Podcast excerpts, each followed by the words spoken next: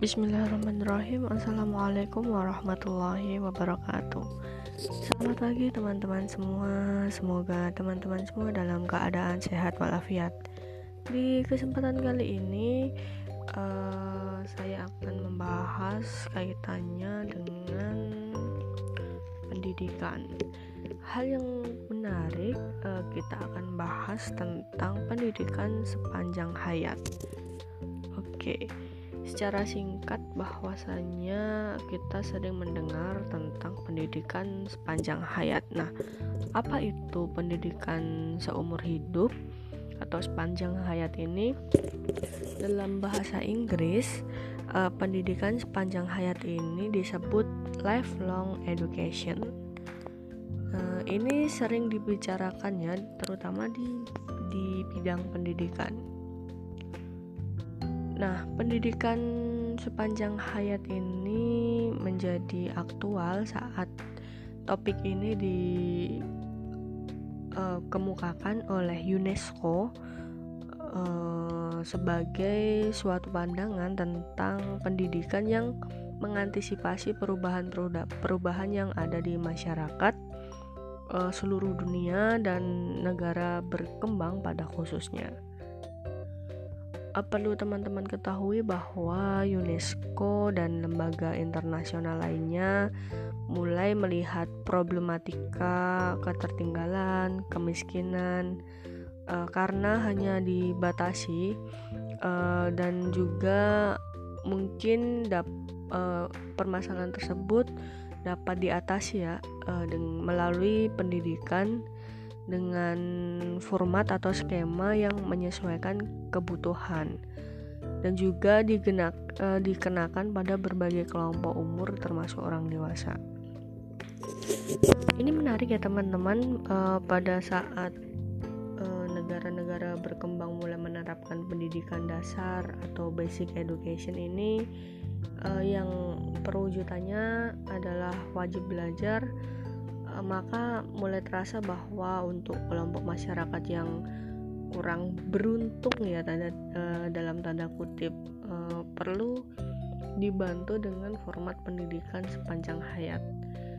Ini ini agaknya perlu digarisbawahi dan juga agak dipahami. Ini penting ya. Uh, pendidikan sepanjang hayat ini dilakukan karena sampai abad sekarang. Eh, saat ini pun uh, setelah bangsa Indonesia khususnya ya merdeka mungkin kurang lebih berapa tahun ya? Hampir sat, 100 tahun ya mungkin. Ada sekitar 20 juta kelompok usia di atas 15 tahun yang buta aksara. Bisa dibayangkan teman-teman uh, di usia produktif ini masih banyak eh, orang-orang di Indonesia ini yang kurang beruntung dan kurang mengenyam pendidikan. Seharusnya dalam hal ini uh, di era sekarang ini sudah tidak ada lagi ya istilah buta huruf. Namun uh, dasolen dasein. Oke okay. kita lanjut. Karena hal ini terjadi karena pikiran kelompok masyarakat tertentu ya di Indonesia khususnya uh, pendidikan kalah penting dengan mencari nafkah. Ya betul juga sih kita tidak bisa menyalahkan prinsip orang masing-masing namun uh, mencari nafkah yang dilakukan oleh seorang anak daripada bersekolah ini agaknya perlu diklarifikasi atau dibenarkan ya pola pikir seperti ini diluruskan agar pandangan atau stereotip masyarakat bahwa apabila mencari nafkah untuk makan lebih penting daripada mengenyam bangku pendidikan atau mengenyam pendidikan ini agaknya perlu dipahami bersama. Selanjutnya bahwa permasalahan pendidikan ini tidak hanya terlepas di buta aksara saja, namun tantangan ke depan adalah perkembangan teknologi yang cukup ekstrim. Secara ekonomis ini tidak masalah, namun kemampuan menggunakan komputer yang perangkat lunaknya selalu berkembang dengan hadirnya perangkat-perangkat lainnya, perangkat yang lebih modern dan yang baru, maka pengguna komputer harus selalu menyesuaikan ya agar kemudahan-kemudahan yang ditawarkan software baru dapat dimanfaatkan.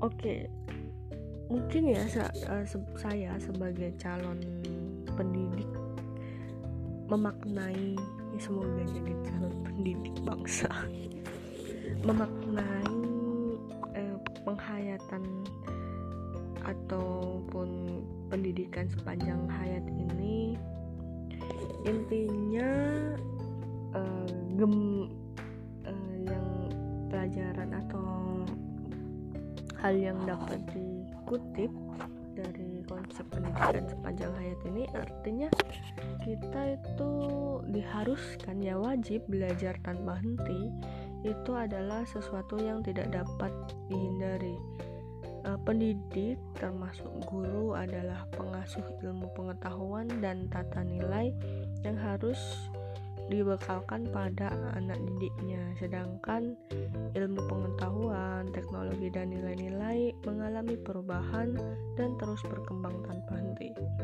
Oleh karenanya pemahaman terhadap pendidikan sepanjang hayat tidak saja merupakan pengetahuan yang harus dimiliki oleh seorang guru ya tetapi perlu menjadi keyakinan bahwa belajar tak pernah ada akhirnya. Wah.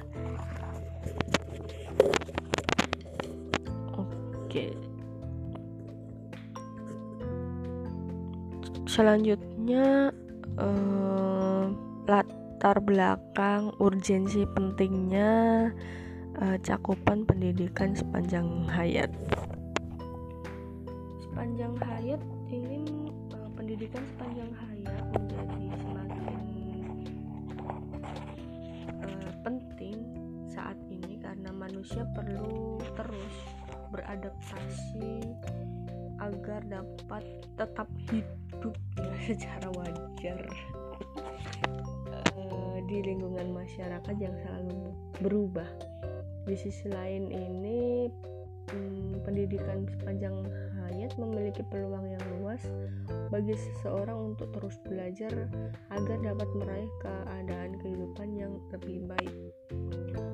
Oke, adapun hal-hal yang menyebabkan dan memungkinkan keadaan yang demikian itu adalah majunya ilmu dan teknologi, produk-produk teknologi yang perlu dipelajari karena terkait dengan alat-alat kerja, bagaimana uh, manusia menggunakan alat kerja berbasis teknologi, perubahan sosial sebagai dampak majunya ilmu dan teknologi dan untuk dapat memahami hal tersebut uh, pendidikan telah berlangsung itu sejak dulu hingga kini ya.